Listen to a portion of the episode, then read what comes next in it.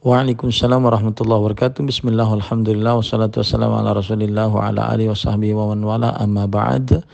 Apabila imam bacaan Al-Fatihahnya melakukan kesalahan yang disebut oleh para ulama sebagai kesalahan jali di dalam bacaannya seperti eh, kesalahan di dalam pengucapan makhraj huruf ataupun kesalahan di dalam tajwid yang menyebabkan berubah arti dari Al-Fatihah maka ini tidak sah salat di belakangnya dan imamnya wajib diganti.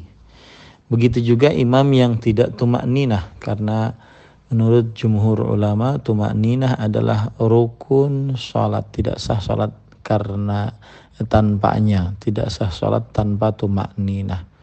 Maka jika ada imam yang seperti itu diganti atau seorang muslim mencari masjid yang memang menyegerakan menyelenggarakan sholat sesuai dengan sunnah Rasul Sallallahu Alaihi Wasallam. Wallahu alam.